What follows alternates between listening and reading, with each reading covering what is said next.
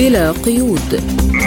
برنامج واسع الطيف نطلعكم فيه على آخر المستجدات على الساحة العربية والعالمية.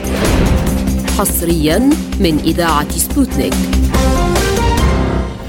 تحية طيبة مستمعينا الكرام في حلقة جديدة من برنامج بلا قيود. سنكون معكم فيها على مدار الساعة. أنا نغم كباس. وأنا فرح القادري والبداية بأبرز العناوين. زيلينسكي يدعو لإخراج روسيا من الأمم المتحدة. مجلس الشورى العماني يحيل مشروع توسيع قانون مقاطعة إسرائيل إلى اللجنة التشريعية. أنصار الله تتهم واشنطن ولندن والتحالف العربي بإعاقة السلام في اليمن. الرئيس الصربي يأمر برفع حالة الاستعداد القتالي للقوات المسلحة.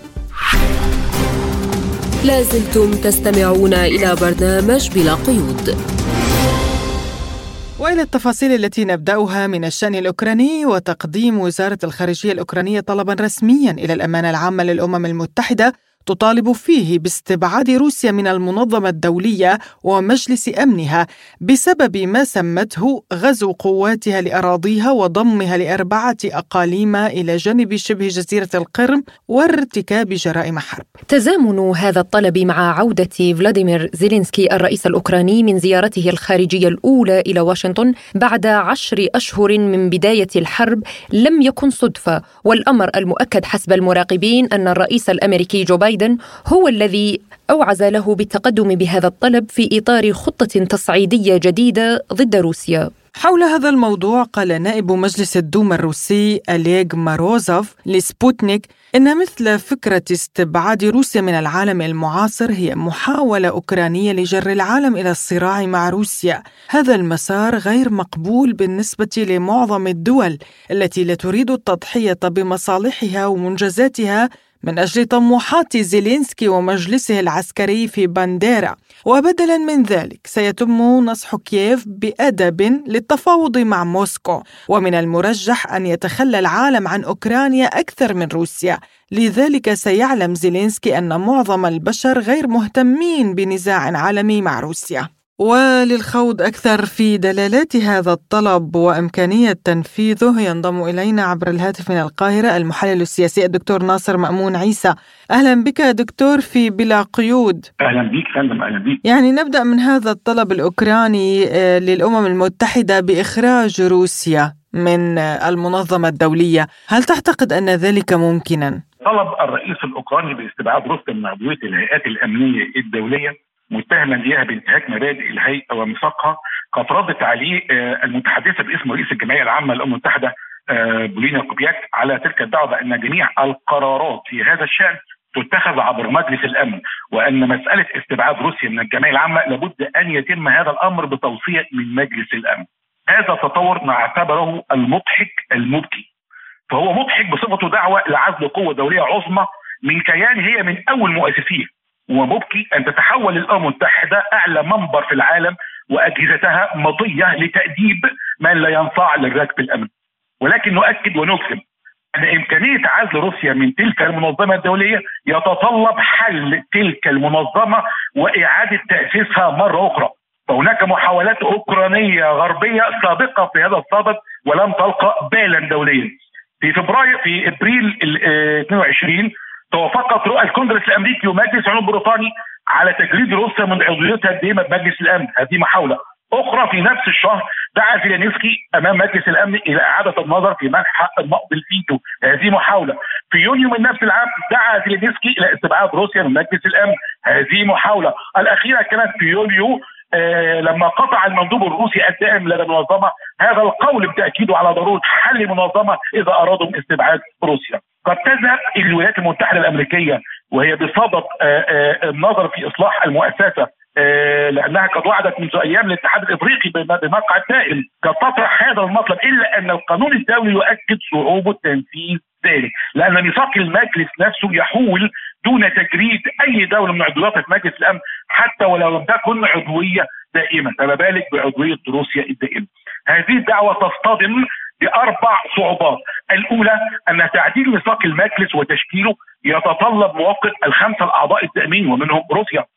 المطب الثاني ستواجه تلك الدعوة رفض الصيني قاطع لا شك فيه ليس تجاذبا مع موقف الروسي بقدر ما هو يأتي في إطار المنافسة الحامية بين بكين وواشنطن المطب الثالث أنه ليس كل البكتيريا كما يرى الغرب ليس كل البكتيريا ضارة. فالاتحاد الاوروبي يرى ضرورة لوجود روسيا قوية على الساحة الأوروبية لتفعيل التوازن الدولي خاصة وهو ما أكده هنري كيسنجر مهندس الخارجية الأمريكية في قوله آه، إن المنطق يحتم على واشنطن الا تسمح بخروج روسيا من الحرب الأوكرانية أو الحرب الغربية التي تدار على على الأراضي الأوكرانية منهزمة فما بالك بعد مجلس الأمن.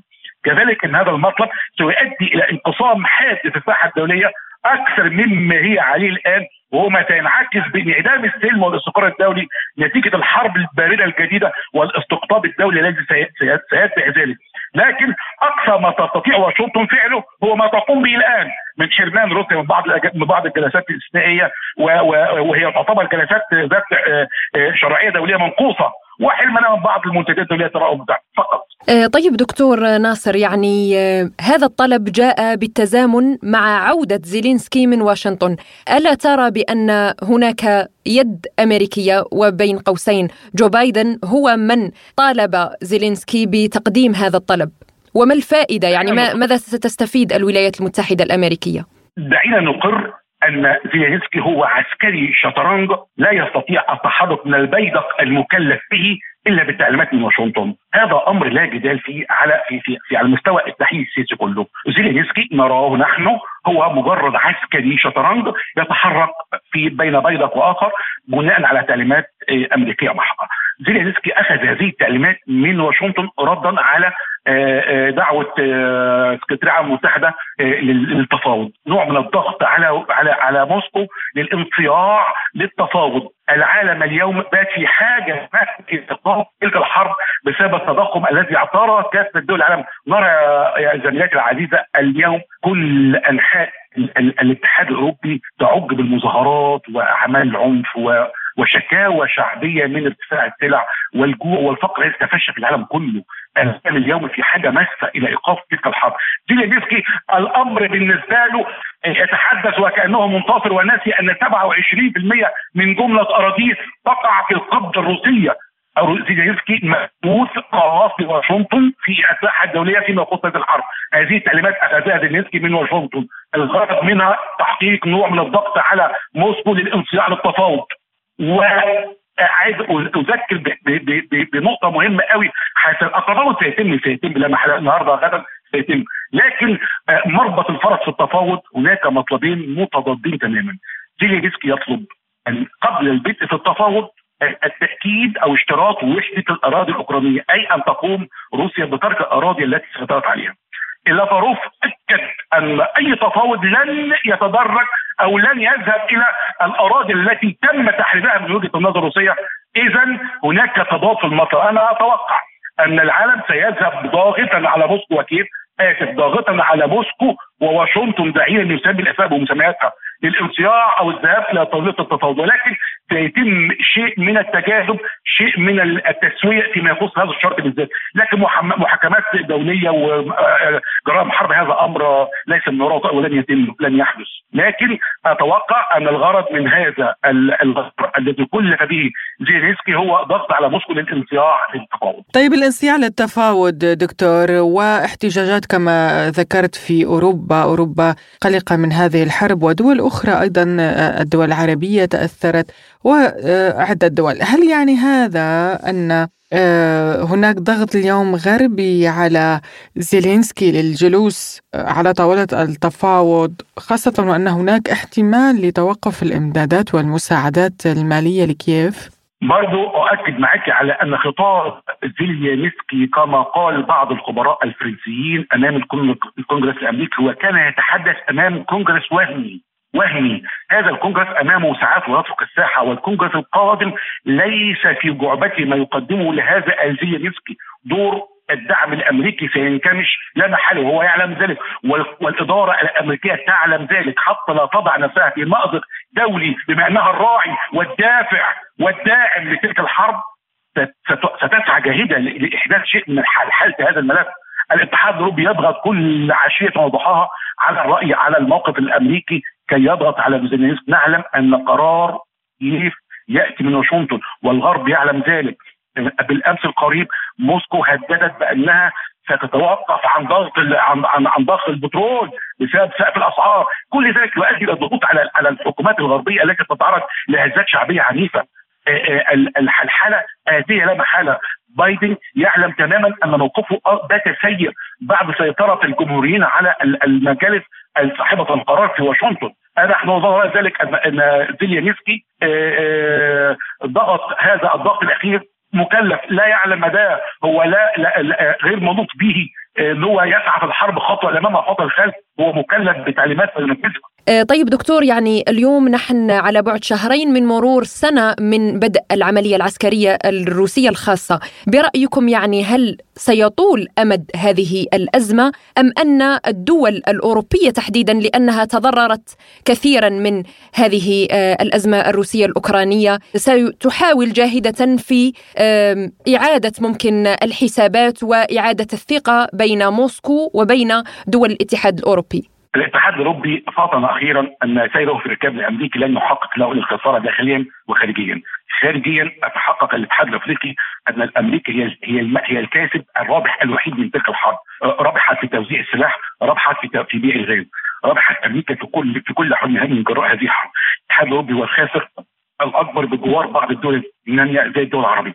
فطن الاتحاد الأوروبي أخيرا إلى أنه في حاجة ماسة إلى إلى إلى إلى إلى ترك سير في الكاب الغربي بناء جيش وطني خاص بالاتحاد الاوروبي دي دعاوى موجودة في المالية القديمة ولكن ستحيا الأيام القادمه الاتحاد الأوروبي فطن أخيرا إلى إن هذه الحرب لم ينال منها غير كل وضع سيء على الساحة الخارجية والساحة الداخلية. اليوم هناك ضغوط من الدول الغربية على واشنطن للتجاذب مع دعوة السكرتيرية آه، المتحدة للتفاوض. آه، روسيا لا تمانع في التفاوض ولكن كما قال آه، بتفيد رئيس نائب رئيس مجلس الروسي إن هم هينفعوا للتفاوض ولكن ليس بشروط. الشرط الوحيد أن الأراضي التي خضعت القبضه الروسية أصبحت روسيه بالاطراف وتوثيق الكريملين لذلك. اذا نرى أن الأيام القادمة ستزيد الضغوط ليس من الاتحاد الأوروبي فقط لكن من من كافة أنحاء العالم، العالم اليوم يعيش في تضخم رهيب. مستويات الفقر زادت جدا جدا جدا خاصة في الدول النامية. لكن عايزه برضو ألفت نظر حضرتك لحتة بسيطة قوي. إن هذه الحرب آه، كان بمثابه طلقه بجوار أذن واشنطن حينما أتى بلينكن للساحة الأفريقية للبحث عن نعم. موضع قدم لم يجد غير كافة الأصوات الدول انما الخطائب الافريقيه كلها تسير في الركب الشرقي تسير في الركب الروسي علم أخيرا أن العالم سحب أو أن روسيا أو أن الشرق بصفة عامة سحب البساط من تحت الإرادة الأمريكية سواء الاقتصادية أو العسكرية، لذلك نرى ان أن في ضغط سيتم داخليا عن طريق الكونغرس الجديد، خارجيا عن طريق الاتحاد الأوروبي للانصياع للتفاوض. نعم شكرا جزيلا لك المحلل السياسي الدكتور ناصر مأمون عيسى، كنت معنا عبر الهاتف من القاهرة، شكرا لك دكتور. تحت أمرك فندم تؤمرين. شكرا. مع السلامة. ما زلتم تستمعون إلى برنامج بلا قيود. وافق مجلس الشورى في سلطنة عمان على إحالة مشروع تعديل المادة الأولى من قانون مقاطعة إسرائيل إلى اللجنة التشريعية والقانونية لإبداء الرأي قبل مناقشة المقترح وإقراره أو رفضه. وعقد المجلس جلسته الاعتيادية الرابعة لدور الانعقاد السنوي الرابع وتضمنت مناقشة عدة مشروعات من بينها مقترح مشروع تعديل المادة الأولى من قانون مقاطعة إسرائيل الصادر بالمرسوم السلطاني رقم 72 وسبعين تسعة هذا وقد صرح نائب رئيس مجلس الشورى العماني يعقوب الحارثي بأن المقترح الجديد يقتضي توسيع نطاق المقاطعة المنصوص عليها ويفضي إلى تجريم أي شخص يتعامل مع إسرائيل فهل هذه خطوة نحو إضعاف الوجود الإسرائيلي في المنطقة؟ وكيف سترد إسرائيل على هذه المقاطعة؟ لمناقشة هذا الموضوع ينضم إلينا عبر الهاتف الأستاذ علي بن مسعود المعشني الخبير بالشؤون الشؤون الإقليمية. أهلا وسهلا بك أستاذ علي. حياكم الله الله يسعدك. نتحدث عن هذا المقترح الذي قام عدد من الأعضاء بالبرلمان العماني باقتراحه كمشروع لتوسيع قانون مقاطعة إسرائيل حتى أنه ضمنيا يتضمن مجالات الرياضة والثقافة والاقتصاد.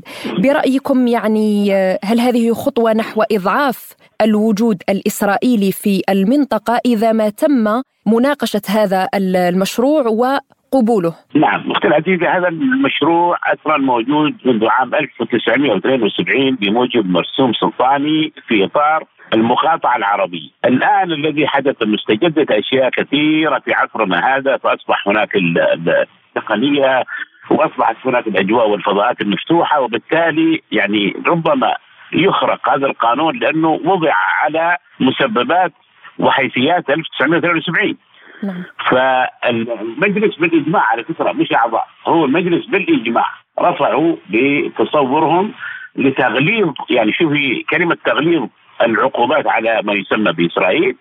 ونحن في الحقيقة كرأي عام في السلطنة مرتاحين جدا والإخوان أيضا اللي متابعين الوضع من إخواننا العرب والشقان العرب والمناولين وعرب الموقف من غيرنا من الشعوب العربية. مرتاحين جدا هذا الموقف لأنه قضيه فلسطين بالنسبة لنا قضيه مقدسة، هذه أرض مسلوبة ومنهوبه وهؤلاء الناس أصحاب الأرض الأصليين. يعني حق لهم إنه يستعيدوا أرضهم.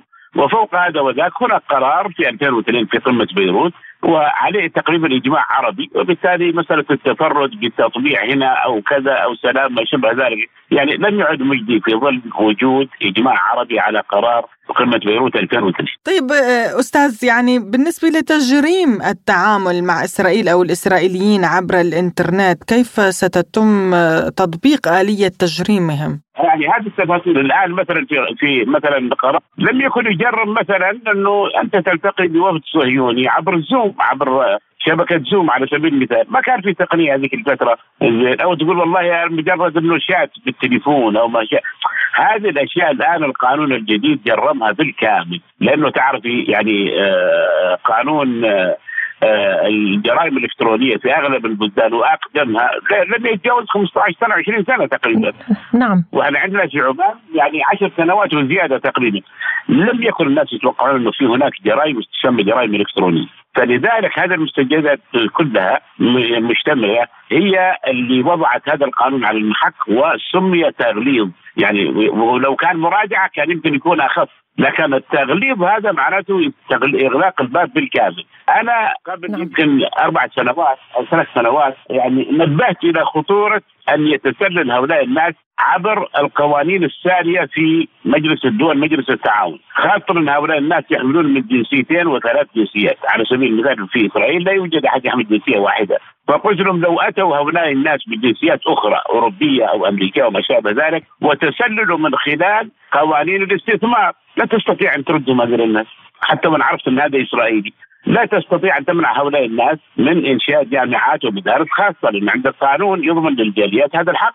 نعم. لا تستطيع أن تمنعهم من آه، انديه الجاليات أن يعملوا أندية ويتجمعوا فيها لأنه قانون انديه الجاليات موجود في كل دول مجلس التعاون. جدا اللي يتسللوا من خلالها خاصة إن هذا الكيان يمتلك مشروع ليس كيان عادي طبيعي كما نعلم إحنا الدول. هذا عنده مشروع مشروع استيطاني توسعي. ونحن لا نمتلك هذا المشروع بالعكس. فبالتالي التطبيع تدمير للدولة وليس للنظام. هنا الخطورة؟ أي تطبيع يدمر الدولة ولا يدمر النظام، النظام زايد، الدولة قائمة وموجودة ودائمة. أشرت إلى نقطة مهمة أستاذ علي آه، وهو التعاملات. آه، سابقا كانت ممكن آه، غير موجودة هذه فكرة الجريمة الإلكترونية. هناك مادة تنص يعني من القانون أنه يحظر على كل شخص طبيعي أو اعتباري أن يعقد بالذات أو بالوساطة اتفاقا مع هيئات أو أشخاص مقيمين في إسرائيل. هل برأيك يعني هذا المقترح جاء لي الفصل في التطبيع مع إسرائيل لأنه الكثير من الدول قالت سابقا ستكون سلطنة عمان هي الدولة الثالثة المطبعة ولكن هذا يعتبر كنفي لكل ما تم قوله سابقا. يعني شوف الإخوان مثلا في الكويت يا فرح يقولوا سنكون آخر المطبعين، انتبه لهذه العبارة سنكون آخر المطبعين، يعني في تطبيع لكن بنقول في الاخير، نحن لم نقل سنكون آخر المطبعين ولا سنكون المطبعين، إحنا عندنا توصيات قمة عربية اسمها قمة بيروت 2002 ومتمسكين بها. على فكرة. نعم. وحتى زيارة الصهيوني نتنياهو إلى السلطنة بس فرصة إني أوضح لك. نتنياهو يا ستي اتصل بجلالة السلطان القابوس رحمة الله عليه وقال له بالحرف الواحد أنت رجل حكيم العرب أقدم الحكام العرب على قيد الحياة وأنا عندي مشروع سلام يرضي الجميع. قال له صاحب الجلالة أنا لست وصي عن الاخوان الفلسطينيين، فلسطين عندهم قضية أنا مش وصي عليهم. نعم. فاتصل بمحمود عباس وجاء محمود عباس إلى إلى مسقط قبل زيارة نتنياهو بيومين وثلاثة وقال لهم الرجل هذا اتصل فيني ويبدو إنه عنده مشروع وأنا لا يمكن أن يستقبل واطعنكم في الظهر. فالإخوان في القيادة الفلسطينية في السلطة قالوا له طيب إحنا عندنا هذه الشروط إذا قرر إحنا ما عندنا رجل عنده مشروع طلع الرجل عنده فلاشات إعلامية لا أكثر ولا أقل ما عنده أي مشروع على الإطلاق فاهمة؟ نعم. وبالتالي سوقت الزيارة على أنها تطبيع وعلى أنها وعلى أنها وهي ما فيها ابدا أي شيء. ما عدا البروباغندا الصهيونية والأوروبية والأمريكية اللي سوقوا إنه نتنياهو في عمان وزاد جت معه زوجته ورئيس الموساد وما شابه ذلك ووفد أمني سياسي وهذا قد يعبر عن كذا وهو ما في ابدا كل ما في الأمر اصفر هكذا والناس ما انتبهوا إلى استباق زيارة محمود عباس الوفد بيومين. إذا المسألة فيها شيء يتعلق بفلسطين وليس مبادرة عمانية خالصة. أو تفرد عماني بقضيه فلسطين. فاهمة؟ صح. نعم. فهذا فهذا مثلا للتوضيح الآن لما جاء هذا القرار الآن لما جاء هذا القرار على سبيل المثال هو مثل ما تقولي رأي شعبي يعني هذا لا غبار عليه. هذا يعبر عن ضمير العمانيين من أقصاهم إلى أقصاهم كبيرهم وصغيرهم. وفي نفس الوقت أيضا سلاح دستوري الحكومة العمانية بأنه الشعب عبر مجلس الشورى غير موافقين على التطبيق. برأيك أستاذ علي اليوم عودة نتنياهو للحكومة هل سيرد على هذا المشروع؟ لا سيما وأن لإسرائيل موطئ قدم في المنطقة وخصوصا بعد التطبيع مع بعض الدول العربية. هؤلاء الناس يقول لك موجودين. طيب آمنا. بجنسيات كذا ولا بجنسيات كذا ولا نقول لهم طيب أنتم يجب انه تفهموا من هذا التواجد بأنه ما يسمى بإسرائيل مشروع غربي، ليس كيان سياسي، مشروع غربي، هذا المشروع زرع في قلب الأمة عبارة عن فيتو لأي مشروع أو نهضة أو مشروع نهضوي للأمة العربية، عشان تعرفوا لو كانت إسرائيل هذه ما تسمى بإسرائيل في أستراليا كنا نحن عايشين خمس نجوم، لو كانت هذه في بحر الصين كان لا في نهضة لا في كوريا ولا في اليابان ولا في الصين. نفس المعضلة بتنتقل إنه إسرائيل تكون السيد في المنطقة. هكذا يراد لها فالآن وصول نتنياهو أو عدم وصول نتنياهو أصلا الكيان الصهيوني صراحة يتآكل من الداخل. شوفي خلال أربع سنوات كم حكومة. كل حكومة لا يزيد عمرها عن ست شهور. عندهم اضطراب مش طبيعي. نعم. الآن بدأ يتآكل. والرهان الذي راهن عليه نتنياهو قبل خروجه من آخر حكومة قال إنه نحن رهاننا الحقيقي يجب أن يكون مع الشعوب العربية، يموت في كأس العالم في قطر، إنه كل الحضور بلا استثناء ومن جميع الجنسيات، من يقولون له ماذا تلفزيون إسرائيلي؟ يضرب الميكروفون ويروح. صدمة ما كانوا يتوقعونها. على فكرة وشفت أنت لو تابعت القنوات الإسرائيلية كيف كان عليهم الندم والحزن إنه يعني يريد يقول إنه نتنياهو كذب علينا وقادتنا كذبوا علينا وقالوا لنا بلطنا لكم البحر والأمور خلاص. لا مستحيل. شيء غير مقبول ما بني على باطل في السياسة والشرع فهو باطل إلى يوم الدين يا صراحة. الأستاذ علي بن مسعود المعشني الخبير بالشؤون الإقليمية كنت معنا عبر الهاتف شكرا لك على هذه المداخلة. ما زلتم تستمعون إلى برنامج بلا قيود. اتهمت جماعة أنصار الله اليمنية كلا من الولايات المتحدة الأمريكية وبريطانيا بإعاقة السلام في البلاد والإزدواجية في المعايير مستخدمة في ذلك التحالف العربي كأداة لإطالة الحرب وحذرت من تداعيات رفض اشتراطات الجماعة لتحقيق السلام في اليمن وإيقاف الحرب الدائرة منذ ثمانية أعوام فهل سترد واشنطن ولندن عن هذه الاتهامات ومن المستفيد من إطالة أمد الأزمة؟ لمناقشة الموضوع أكثر نستضيف معنا الخبير بالشؤون اليمنية الأستاذ نبيل البكيري. أهلا وسهلا بك وشكرا لك على وجودك معنا. بالبداية أستاذ نبيل يعني هذا الاتهام الذي وجهته جماعة أنصار الله لأمريكا وبريطانيا بأنهما وراء إطالة أمد الحرب في اليمن ما هي قراءتك لهذا الاتهام؟ هل برأيك سيكون هناك ردا من أمريكا وبريطانيا على ذلك؟ هو لا شك مثل هذه الاتهامات ليست غريبة في الخطاب الإعلامي والسياسي لجماعة الحوثي وهو خطاب منذ بداية الأزمة والحرب لكن أنا باعتقادي الجديد الآن ربما مع وجود شبه هدنة في اليمن آه، تريد جماعة الحوثي الهروب للبحث عن مشروعية لهذه الحرب الحديث عن وجود أطراف دولية وجود آه، مؤامرة كونية ضدها و ضد حكومتها وبالتالي أنا باعتقادي الأزمة والحرب في, الأساس يمنيه يمنية. وما لم يتم العودة للجذور الحقيقية لهذه الحرب وهو الانقلاب. باعتقادي ستظل الحرب وسنبحث لها عن تفسير وسرديه مختلفة للبحث عن عناصر خارجية ومؤامرات دولية وكونية. وبالأخير هي حرب يمنية قائمة بين جماعة متمردة. وسلطة شرعية معترف بها دوليا ومعترف بها داخليا. وبالتالي الهروب للبحث عن مؤامرة دولية في الحرب في اليمن ليست سوى فشل سياسي ومحاولة لتسويق الحرب على أنها حرب كونية وعالمية. طيب يعني برأيك من المستفيد من إطالة هذه الحرب ثماني سنوات واليمنيون يعانون من هذا من هذه الحرب؟ المستفيد ربما لا أحد مستفيد سوى الأطراف التي آه، تريد أو ترى في الحرب بأنها آه، سوق آه، وبازار سياسي لاستمرارها وأنه إذا ما توقفت هذه الحرب ربما تخسر هذه الجماعة. وبالتالي أنا باعتقادي إنه الحوثيون يرون أن استمرار الحرب هو نوع من البازار السياسي الذي يبقيهم طرفا في هذه الأزمة والحرب لأن الذهاب إلى أي تسوية سياسية يعني عودة الدولة اليمنية يعني تجاوز الصيغة الطائفية والصيغة الاستقطابية للحرب ووقف الأطراف الخارجية أو التدخل الخارجي في هذه الحرب، لانهم في حينها ذهاب إلى تسوية سياسية يعني اتفاق اليمنيين فيما بينهم بعيدا عن العراب الخارجي لهذه الأزمة والحرب التي طال مدتها. طيب يعني برأيك ما هي الشروط اليوم المطلوبة من هذه الدول من قبل جماعة أنصار الله ليحل السلام في اليمن؟ الحرب والأزمة في اليمن مفاتيحها يمنية، وبالتالي هذه المفاتيح اليمنية تقتضي أن كل الأطراف اليمنية تقدم تنازلات، أنا باعتقادي أن التنازلات التي قدمت من بداية الحرب في كل جولات السلام التي حدثت من آه، آه، سويسرا إلى الكويت إلى آه، إلى غيرها من جولات السلام إلى ستوكهولم، كلها كانت يعني تقدم من قبل الحكومة الشرعية التنازلات للوقوف مع جماعة متمردة. يفترض الا تحصل على مشروعية الوقوع الجلوس في الطاولة الدولية أو في طاولة النقاش، لكن كان هناك تنازلات هذه التنازلات أنا باعتقادي لم يكن هناك تنازلات مقابلة من من الطرف الآخر وهي جماعة الحوثي، بالتالي ال ال اليوم يعني للخروج من هذه الحرب أنا باعتقادي أمام جماعة الحوثي فرصة تاريخية و و و ولحظة للتصالح مع اليمنيين لأن اليمنيين اليوم كلهم حتى بما بما فيهم اليوم الذين يقبعون تحت سيطرة جماعة الحوثي يرون أن هذه الجماعة أصبحت كارثة بالنسبة لهم آه لأن الوضع أصبح غير يعني غير قادرين على التكيف مع شروط هذه الجماعة التي حولت الناس إلى مجرد آه, آه، يعني رعاية وعبيد وأداة لاستمرار الحرب واستمرار الاقتصاد الحرب القائم.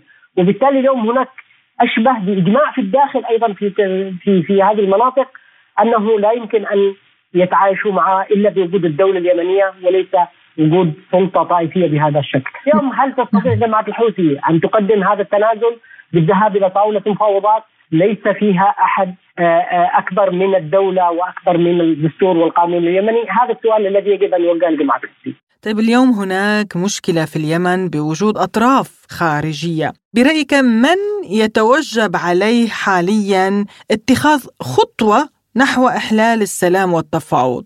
هو لا شك المشكلة الكبيرة اليوم التي تواجه اليمنيين هو التدخل أو هو استلاب القرار السياسي لدى هذه الأطراف، فلا الشرعية تمتلك قرارا سياسيا مستقلا ولا جماعة الحوثي أيضا تمتلك قرار سياسي مستقل، الجميع مرهونين للأطراف الدولية والإقليمية وخاصة الخليج وإيران، وبالتالي إذا ما كان هناك رغبة حقيقية للتخلص أو للذهاب إلى السلام في اليمن يجب على هذه الأطراف أن يعني تتجاوز مربع الاستلاب الموجود من قبل الأطراف الدولية وتتعامل على أنها أطراف يمنية يمنية، أما أن تظل هذه الأطراف تنفذ رغبات الإقليم أنا باعتقادي لم يكن هناك أي مسار للسلام في اليمن. اليوم آه، حسب الإحصاءات هناك 80% من الشعب اليمني بحاجة إلى المساعدات الإنسانية، والعالم كله يرى ما عاناه اليمن واليمنيين وما يزال يعانيه آه، برأيك ألم يحن يعني الوقت لوضع حد لهذه الحرب وتصفية الحسابات وإخراج كما قلت يعني وأشرت إلى التدخلات الخارجية إلى الأطراف الخارجية التي لها مصالح في إطالة هذا أمد هذه الأزمة؟ هو لا شك الحرب طالت كثيرا وثمان سنوات أنا باعتقادي أنها آه، دمرت الكثير ولم تبقي لليمنيين شيء. وبالتالي اليوم من من المنطق بمكان ومن السياسة ومن الحكمة أيضا ومن الشجاعة أيضا من هذه الأطراف اليمنية أن تعترف أنه لا يمكن لأي طرف أن يتخلص من الطرف الآخر وأن اليمن ستبقى بيت لجميع اليمنيين دون استثناء وتجاوز الصيغة المذهبية والطائفية للحكم من الاعتقاد التي تعلي وتكرس وتكرسها جماعة الحوثي أنا باعتقادي هو المدخل الحقيقي لحلحله الأزمة اليمنية. وسواء كان هذا هذا التنازل الذي تقدم عليه جماعة الحوثي بحسب ما تراه أنه تنازلا كبيرا أنا باعتقادي هو التنازل الذي يجب أن يطرح الآن. للنقاش ما دام أنهم كانوا يرفعون منذ البداية فكرة الدولة المدنية الديمقراطية، اليوم جماعة الحوثي لا تؤمن بهذه المسميات وتدعي أن لها حقا إلهيا في حكم اليمنيين. وبالتالي أس الأزمة اليوم وقدر الأزمة هو كيف سيستطيع الحوثيون أن يتجاوزوا الصيغة القديمة التقليدية الطائفية التي لديهم في نظرتهم للدولة والحكم في اليمن. شكرا لك الخبير بالشؤون اليمنية الأستاذ نبيل البكيري على هذه المداخلة. ما زلتم تستمعون إلى برنامج بلا قيود.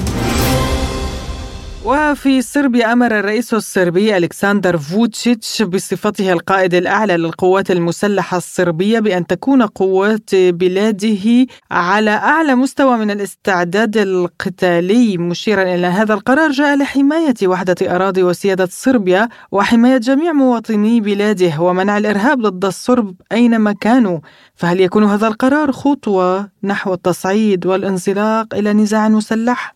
حول هذا تتحدث رئيس التحرير سبوتنيك صربيا تانيا تريكيتش. В самих городах центральной Сербии, конечно, нет никакой паники. لا توجد أي حالة ذعر في مدن وسط صربيا ولا يمكن أن يقال هذا عن حالة الصرب في كوسوفو لأنهم كانوا على الحواجز منذ 18 يوما بالفعل حيث ظهرت حواجز جديدة كرد فعل على سلوك بريتشينا الذي من الواضح أنه يستعد لاتخاذ إجراءات انتقامية في هذا الصدد تمت زيادة الاستعداد القتالي للجيش والشرطة. هذا يعني حرفيا خطوة واحدة قبل المزيد من التصعيد والانتقال إلى نزاع محدد. إن ما يسمى بشرطة كوسوفو يقولون منذ عدة أيام أنهم يخططون لإزالة هذه الحواجز.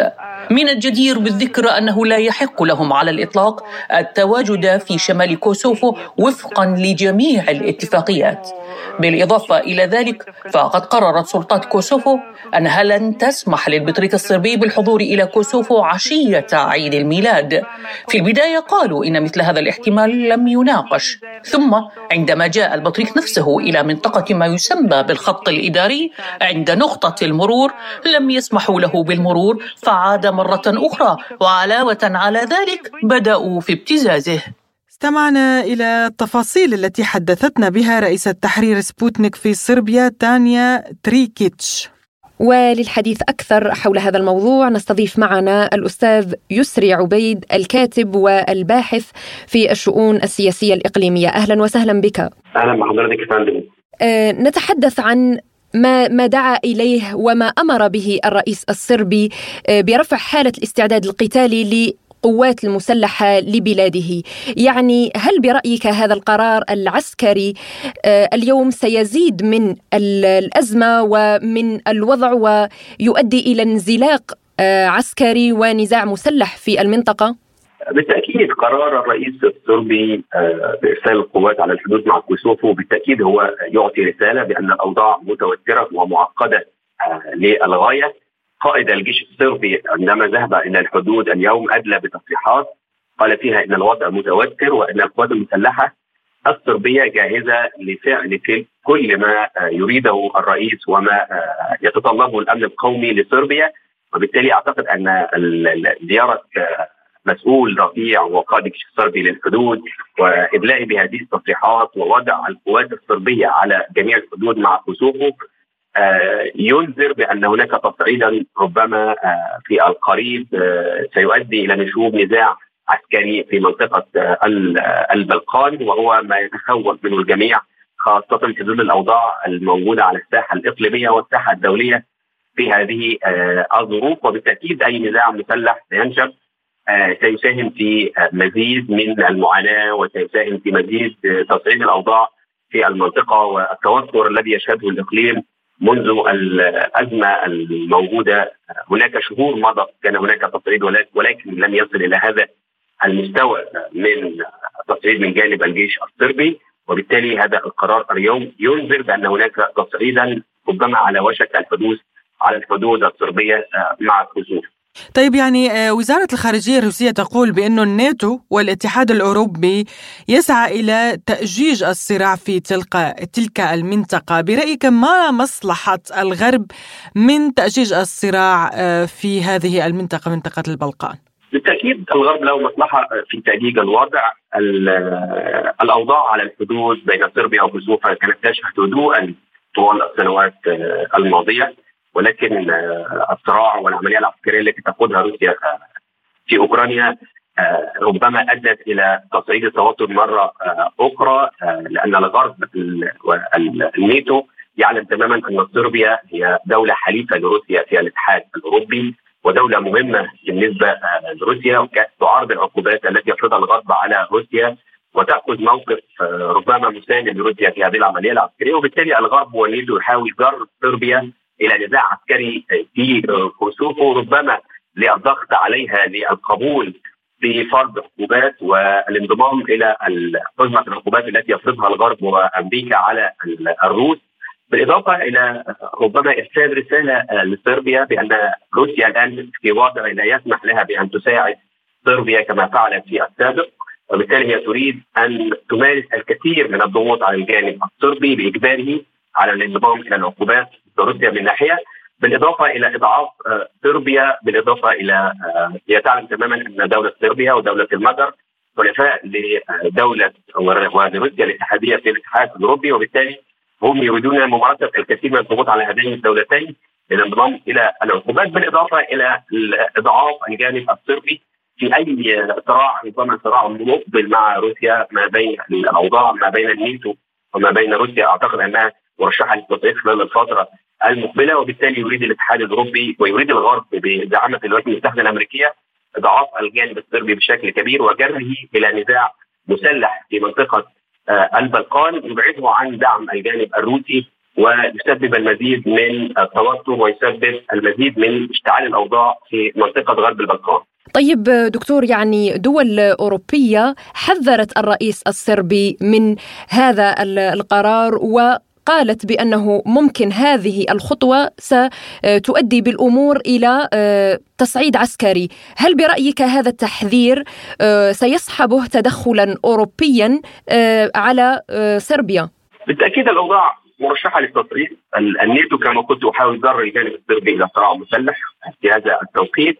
وبالتالي أي تدخل أو أي نشوب للصراع بالتأكيد الناتو له قوات حوالي 3700 جندي موجودون في كسوفه في إطار آه، مهمة لحفظ السلام بين الجانبين وبالتالي نشوف أي صراع مسلح ده يجعل هذه الدول وسيجعل حلف الناتو يستغل الفرصه وهو السبب الرئيسي في آه، هذا الصراع ويتدخل إلى جانب كسوفه ضد صربيا وبالتالي آه، أعتقد أن الجانب الصربي ربما يفهم هذا جيدا. الجانب الصربي الاجراءات التي يقوم بها ربما آه، بشكل وقائي لمنع نشوب هذا الصراع ولكن الاستفزازات التي يقوم بها الغرب والاستفزازات التي يقوم بها قوات الناتو في كوسوفا ربما تجبر الجانب الصربي على آه، خوض عملية عسكرية ربما يعتبروها وقائية لعدم تدخل الناتو مرة أخرى ضد الأقلية الصربيه الموجودة في شمال كوسوفا بالإضافة إلى أن الجانب الصربي يعلم تماما أن الأوضاع العالمية الآن غير مواتيه لنشوف صراع اخر وبالتالي هو يحاول قدر الإمكان ألا ينشب هذا الصراع وربما الاجراءات طيب, طيب دكتور يعني آه، آه، نعلم بأن الوضع العالمي اليوم غير مستقر بالمجمل وهناك أزمة أيضا قريبة من صربيا هي الأزمة الأوكرانية، برأيك هل هناك أيادي خفية تحاول تحويل الأنظار يعني من الأزمة الأوكرانية إلى صربيا وافتعال أزمة جديدة في تلك المنطقة؟ كل المعطيات والمؤشرات تؤكد أن هذه الأزمة مفتعله كما قلت الأوضاع ما بين صربيا وما بين كوسوفا كانت هادئة طوال هذه السنوات الماضية. لم يحدث أي توتر أو تصعيد على الحدود. ولكن منذ الحرب الروسية الأوكرانية هناك بدأ ينشب توتر هناك بدأت بعض الدعوات من جانب النيتو ومن جانب الغرب لنشوب هذا الصراع كما قلت وانضمام كوسوفو للاتحاد الأوروبي أيضا. يعني طلبوا طلبوا العضوية ربما هي يعني رسائل موجهة مباشرة إلى روسيا. هناك مطالبات بانضمام كوسوفا ولكن أعتقد ان هناك خمس دول من بينها اليونان وقبرص ورومانيا تعارض انضمام كوسوفا إلى الاتحاد الأوروبي لأنها ترى أن هذا يعتبر سيشجع الكثير من الأقاليم الانتقالية في بعض الدول الأوروبية على طلب الاستقلال والاعتراف بها كدول مستقلة وبالتالي مطالبة بالانضمام إلى الاتحاد الأوروبي. ولكن أعتقد أن الناتو وعلى راسه الولايات المتحده الامريكيه والذي يؤجج الصراع في كوسوفا والذي يحول جر الجانب الصربي إلى صراع مسلح ربما للتاثير على الدعم الذي تقدمه صربيا سياسيا الاتحاد الأوروبي لروسيا. وبالتالي أعتقد أن الولايات المتحدة الأمريكية تراهن كثيرا على نشوب هذا الصراع وتراهن كثيرا على أن تزداد الأوضاع توترا على الحدود الصربيه في كوسوفا. وهذا ما حذرت منه الخارجية الروسية اليوم من أن الأوضاع على وشك أن ينشب صراع في منطقة غرب البلقان. بالتأكيد لن يكون في مصلحة أحد ولكن الولايات المتحدة الأمريكية دائما وابدا تحاول تأجيج الأوضاع في العالم خدمة للمصالح الأمريكية من ناحية ما دامت الصراعات تبعد عن الحدود الأمريكية آلاف الأميال الأزمة الروسية الأوكرانية المتضرر الرئيسي منها هو الاتحاد الأوروبي الذي أصبح أصبحت شعوبه تعاني بشكل كبير والمستفيد الوحيد من هذه الأزمة أو المستفيد الأكبر هو الولايات المتحدة الأمريكية. وبالتالي تمارس الولايات المتحدة الأمريكية نهجها الدائم في إشعال التوترات في العالم لكي تستفيد هي في النهاية من هذه الصراعات والحروب التي تنشأ في العالم من الشرق إلى الغرب. وبالتالي هذه أزمة مفتعله بالتأكيد من جانب الغرب ومن جانب الناتو ومن جانب الولايات المتحدة الأمريكية. تحاول جر صربيا إلى صراع مسلح يؤثر على الدعم الذي تقدمه سياسيا على الأقل للجانب الروسي من داخل الاتحاد الأوروبي. نعم شكرا لك الدكتور يسري عبيد الكاتب والمحلل السياسي الخبير بالشؤون الإقليمية كنت معنا. شكرا لك. ما زلتم تستمعون إلى برنامج بلا قيود. وإلى أخبار سياسية متفرقة. اقترح اندري كليموف نائب رئيس مجلس الفيدرالي الروسي أنه يجب نقل مقر الأمم المتحدة من نيويورك إلى أولمباتر حيث أن منغوليا ليست جزءا من الكتل العسكرية وتقع وسط أوراسيا حيث يعيش خمس مليارات من سكان الأرض البالغ عددهم ثمان مليارات نسمة. ووفقا للسيناتور من أجل الحفاظ على دور وأهمية الأمم المتحدة كمنظمة رئيسية دولية حقا وليست مؤيدة لواشنطن. من الضروري تحقيق التوازن بين بريطانيا وفرنسا والقوى الرائدة في آسيا وأفريقيا وأمريكا اللاتينية في المشاركة في مجلس الأمن التابع للأمم المتحدة. صرح الرئيس الروسي فلاديمير بوتين في لقاء مع رئيس الوزراء الأرميني نيكول باشينيان في سان بطرسبورغ أن الوضع الاقتصادي في العلاقات بين روسيا وأرمينيا يتطور بشكل إيجابي للغاية، لكن القضية الأساسية هي تسوية الوضع في ناغورني كاراباغ، قائلا: في الآونة الأخيرة عقدنا اجتماعا للجنة الحكومية الدولية وصرح زملاؤنا بأن الوضع في اقتصادنا يتطور بشكل إيجابي للغاية.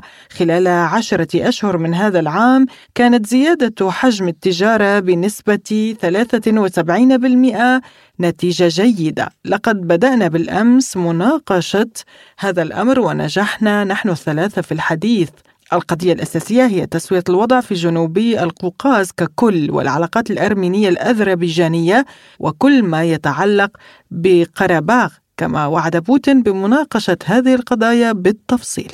وصفت الجبهة الديمقراطية لتحرير فلسطين تصريحات رئيس الوزراء الإسرائيلي المكلف بنيامين نتنياهو عن تجميد الاستيطان في الأراضي الفلسطينية مقابل التطبيع مع الدول العربية بأنها وقاحة واستغفال للعقل العربي.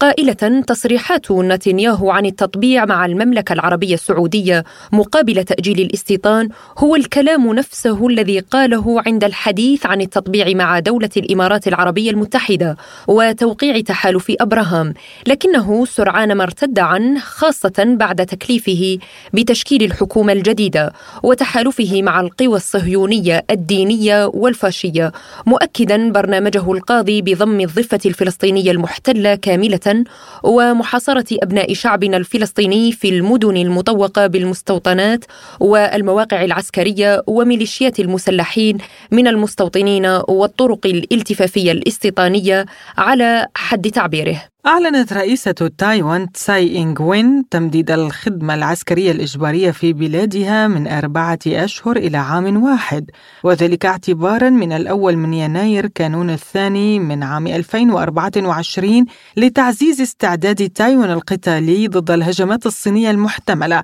كما وعدت بزيادة الراتب الشهري للمجندين من الراتب المبدئي الحالي البالغ 212 دولارا أمريكيا إلى 856 دولار دولارا للتأكد من أنهم يكسبون ما يكفي لتغطية نفقاتهم اليومية الأساسية بينما سيوفر الجيش أيضا 195 دولارا لتغطية الوجبات الشهرية والتأمين.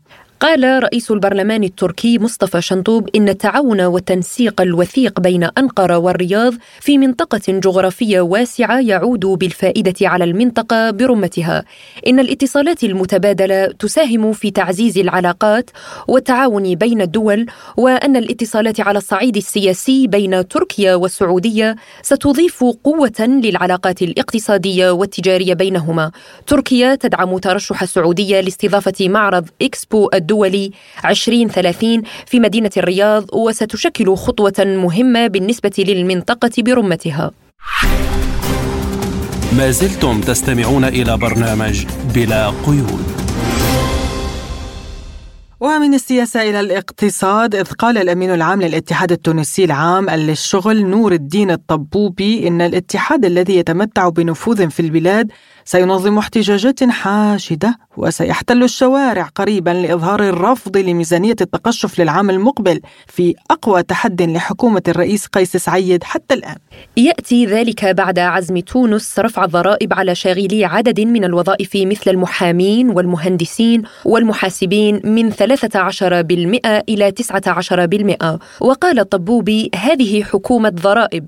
الحكومة تتحايل على شعبها وقانون المالية يزيد معاناة التونسيين. ولمناقشة هذا الموضوع ينضم إلينا عبر الهاتف من تونس المحلل السياسي الدكتور صلاح الدين الجورشي. أهلا بك دكتور ونبدأ من تهديد الاتحاد التونسي للشغل باحتلال الشارع. فهل الاتحاد الذي يضم في عضويته أكثر من مليون شخص قادر على شل العجلة الاقتصادية بالإضرابات؟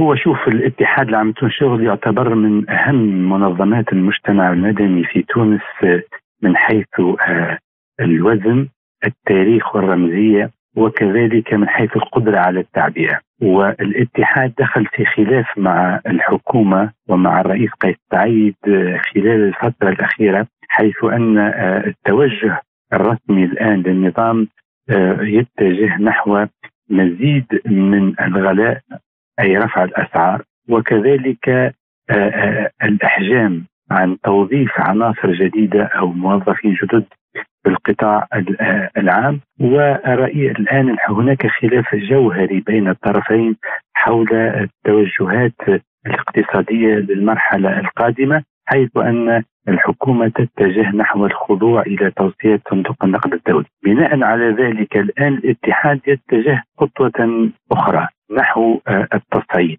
وذلك من خلال أولا بداية مشاورات مع منظمات تابعة للمجتمع المدني مثل الرابطة التونسية للدفاع عن حقوق الإنسان وكذلك منظمات أخرى والمحامين مثلا على سبيل المثال يضاف إلى هذه الخطوة هناك سعي لبناء نوع من التحالف المدني وربما يتوسع هذا التحالف ليضم أحزاب آه، آه، سياسية وبالتالي التهديد بورقة الشارع النزول إلى الشارع.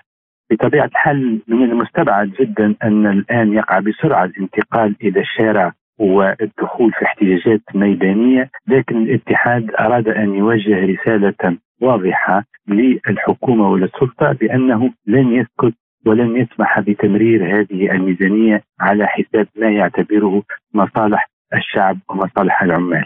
طيب دكتور صلاح إذا كانت هذه رسالة من الاتحاد للسلطات التونسية كيف ستتلقف هذه الرسالة لتجنب العودة للاحتجاجات برأيك؟ وهل هذا المنطق يقتضي بأن السلطة عليها أن تأخذ بعين الاعتبار آه، مواقف ومطالب آه، النقابات وكذلك المجتمع المدني، لكن عودنا الرئيس قيس سعيد بأنه لا يستجيب لمثل هذه الاحتجاجات، وبالتالي هو مصر على الاستمرار.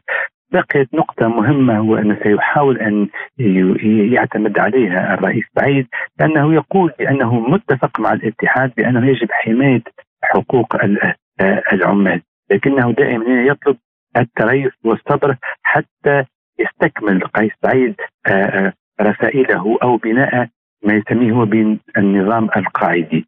لكن ذلك سيكون مكلفا على مستوى البلد وعلى مستوى العمال. طيب يعني دكتور تونس تعتزم. اذا رفع الضرائب على شاغلي عدد من الوظائف مثل محامين، مهندسين، محاسبين، لماذا تتخذ تونس مثل هذه القرارات في الوقت الحالي في وقت يعاني فيه المواطن من سوء الأوضاع المعيشية؟ هي محاولة من الحكومة وكذلك من الرئيس سعيد الخروج من الأزمة المالية الضخمة لأن الآن آه، هناك تراجعات كبيرة للاقتصاد التونسي وهناك آه، اضطرار للتعاون مع صندوق النقد الدولي ولكن صندوق النقد الدولي له شروط وبالتالي لم تجد السلطة الآن مجالا آخر إلا الاقتراض من الصندوق لأن الصندوق هو المدخل للحصول على مساعدات أخرى وربما حتى على قروض أخرى من بقية البنوك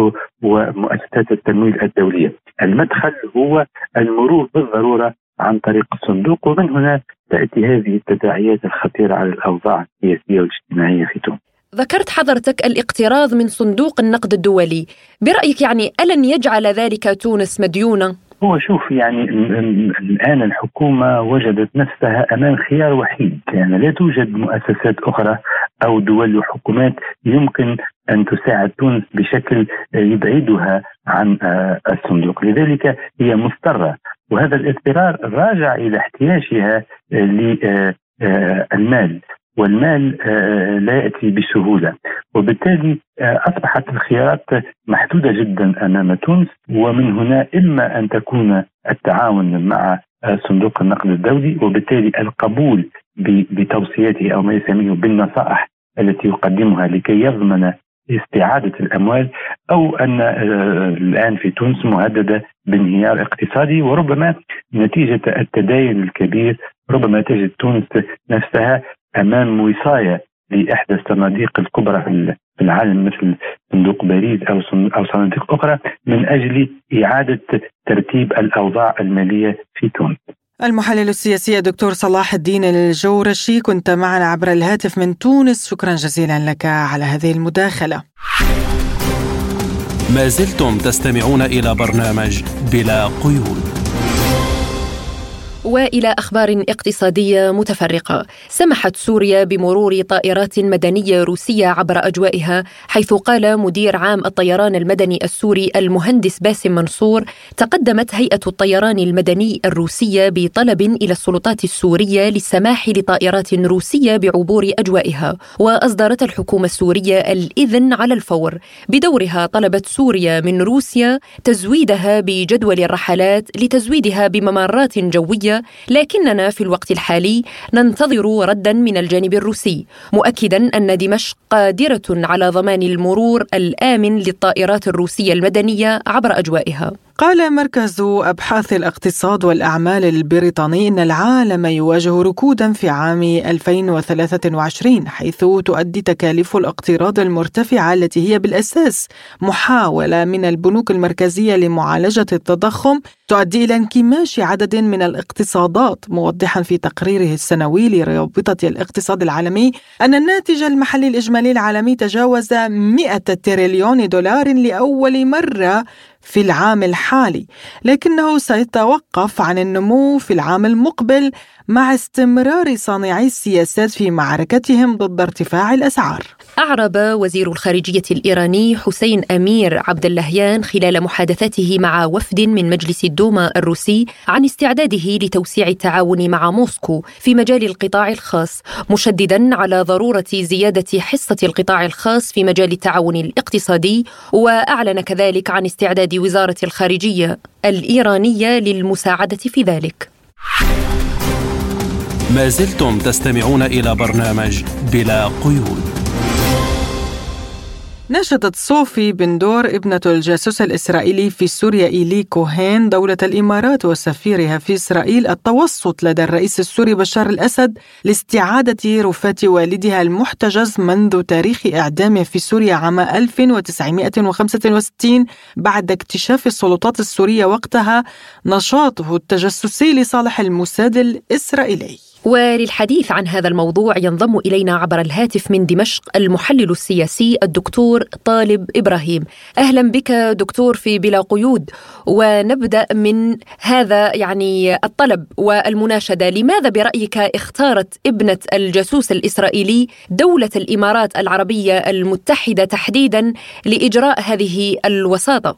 أعتقد أن مرد ذلك إلى العلاقات الجيدة والعادية بين الإمارات وبين العدو الإسرائيلي من جهة ولوجود أيضا علاقات جيدة وبمستوى مقبول بين سوريا والإمارات العربية المتحدة. لذلك اعتقدوا اعتقد ذوي الجاسوس كوهين أنه بالإمكان آه، الوصول إلى شيء آه، أو إلى نتيجة إيجابية ما بخصوص هذا الأمر الذي طرح ربما مئات المرات على القيادة السورية وكان له نفس الجواب. يعني أفهم من كلامك دكتور أن الرفض هو سيد الموقف والجواب النهائي لدى دمشق هو لا، يعني لن يقبلوا بتسليم الرفات.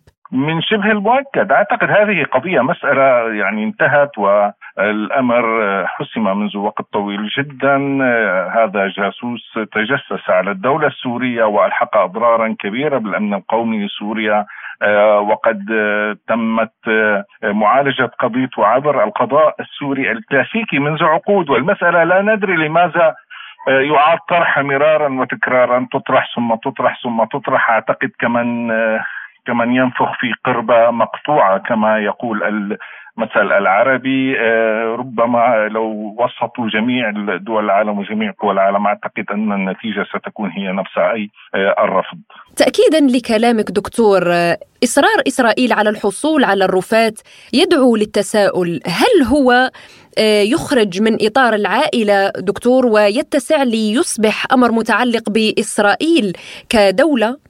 أعتقد الامر جزء من الأيديولوجيا اليهودية، جزء من السيكولوجيا اليهودية أيضا آه، أن يتم دفن جزء من آه، اليهودي أي يهودي مطلق يهودي يتم دفن جزء أو أجزاء منه في أورشليم حتى لأنه في يوم القيامة هذا الجزء ينادي باقي الأجزاء ليذهبوا إلى الجنة، هذا جزء من التخريص التوراتي أصلا آه، على مستوى العائلة هذا الأمر. على مستوى على مستوى الرسمي في دولة العدو الإسرائيلي أعتقد أنهم يعتقدون أن سوريا ضعيفة وقد تخضع للإملاءات الآن أو تخضع لشروط معينة وهذا أيضا جزء من أسلوب الموساد أننا لا نتخلى عن عملائنا اليهود اليهود حصرا. لا نتخلى عنهم احياء أو أموات ونعمل مستحيل لإعادتهم آه، إلينا. هذا يشكل نصرا معنويا كبيرا جدا لجهاز الموساد الإسرائيلي الذي يتباهى بانتصاراته وبالفعل حقق انتصارات مذهلة بالسنوات الأخيرة ولكن ما زال يعاني من الكثير من الانتكاسات واحدة. من هذه الانتكاسات ومن هذه المشاكل هي ربما مسألة كوهين وهي ستبقى مشكلة وستبقى انتكاسة تاريخية للموساد كما أعتقد. المحلل السياسي الدكتور طالب إبراهيم كنت معنا عبر الهاتف من دمشق. شكرا جزيلا لك على هذه المداخلة دكتور. وبهذا الملف نصل وإياكم مستمعينا الكرام إلى ختام حلقة اليوم من برنامج بلا قيود. قدمناها لكم من استديوهاتنا في موسكو أنا فرح القادري. وأنا نغم كباس ولا تنسوا متابعة موقعنا الإلكتروني سبوتنيك أرابيك dot ae وأيضا قناتنا على تيليجرام. إلى اللقاء. دمتم بأمان الله.